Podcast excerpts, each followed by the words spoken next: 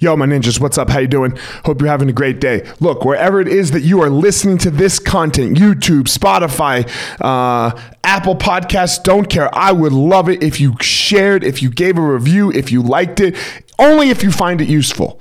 Don't if, if you don't like it, if you don't if you're not finding this helpful and useful in your life, well then man, stop listening, stop doing whatever it, what it is you're doing with it. Stop sharing it. I get it. But you're listening. So let's go. Give it a like, give it a review, share it with a buddy.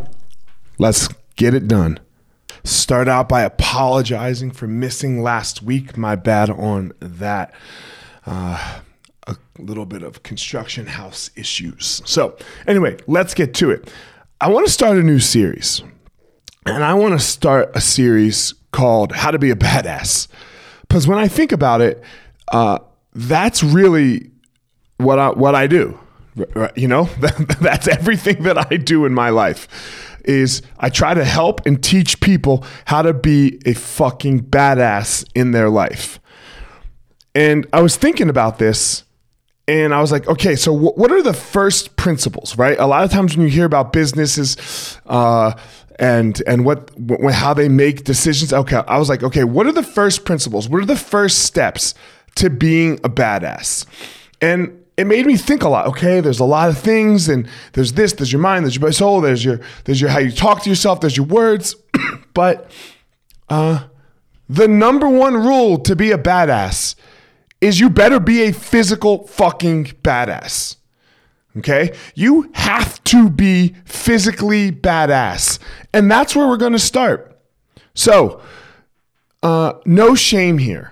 No, no shame here whatsoever, please. So, uh, please don't take it that way. We have all been in this situation before, probably in our life, but I'm gonna fucking say it. If you are overweight and out of shape, that shit's gotta end today. I'm to say it again. If you are overweight and out of shape, that shit has to end today. You cannot be a badass if your physical body is not capable. So let's get fucking started right there. If that made you feel sad, if that made you feel like Elliot's attacking you or offending you or shaming you, you have two choices right now. Your two choices are to turn this off go unfollow me, unsubscribe. Um, if you see me in public somewhere, or uh, even possibly if you are a member of the Easton community, I'm really sorry if that hurt your feelings. Maybe you want to go complain. Don't do that. Okay, that won't fucking get you anywhere. That that's your one choice. Your other choice is to go, oh shit, that's me. Oh shit, that's me and then fucking do something about it. Do something about it starting when the, the second you're listening to this. How do you start? It's simple. It's simple.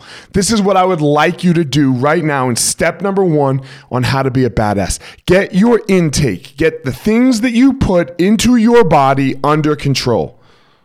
And I know this is so simple, and maybe a lot of us are doing this, but I want us to take a hard look. Take a hard look at what it is you put in your body. Now, I'm not saying you can never have candy and you can never have ice cream. No, that, that's not what I'm saying, or, or pizza. I want you to take a look, though, at your overall health and, and, physic, and physique, okay? Number one, and say, Am I a badass? And not was I a badass? Am I a badass right now? Am I a physical badass?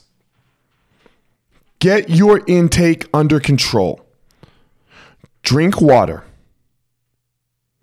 Okay? Stop drinking calories. So, water, unsweetened iced tea with no sweetener in it. Okay? Uh, get some electrolytes in. I, I, won't say not get electrolytes in. I'm not going to say don't have the occasional beer if that's what you want. Look, I haven't had a drink all year. January 1st, my last day of vacation was, the, so I can't say, I guess I can't say all year, but I haven't had a drink since the evening of January 1st. It was the last night of my vacation. And here we are. It's middle of March, getting towards the end of March, no alcohol.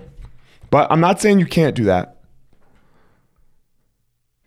Get your food under control. Eat healthy 80% of the fucking time. I'll even go 10% less, 70% of the time. Eat healthy. That means not processed food.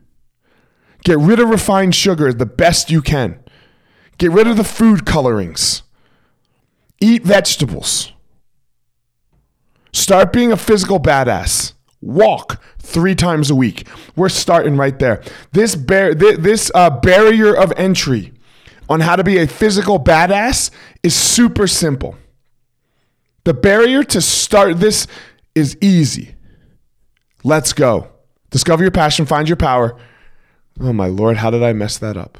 Discover your passion, find your power, and then go give your purpose to the world, my ninjas.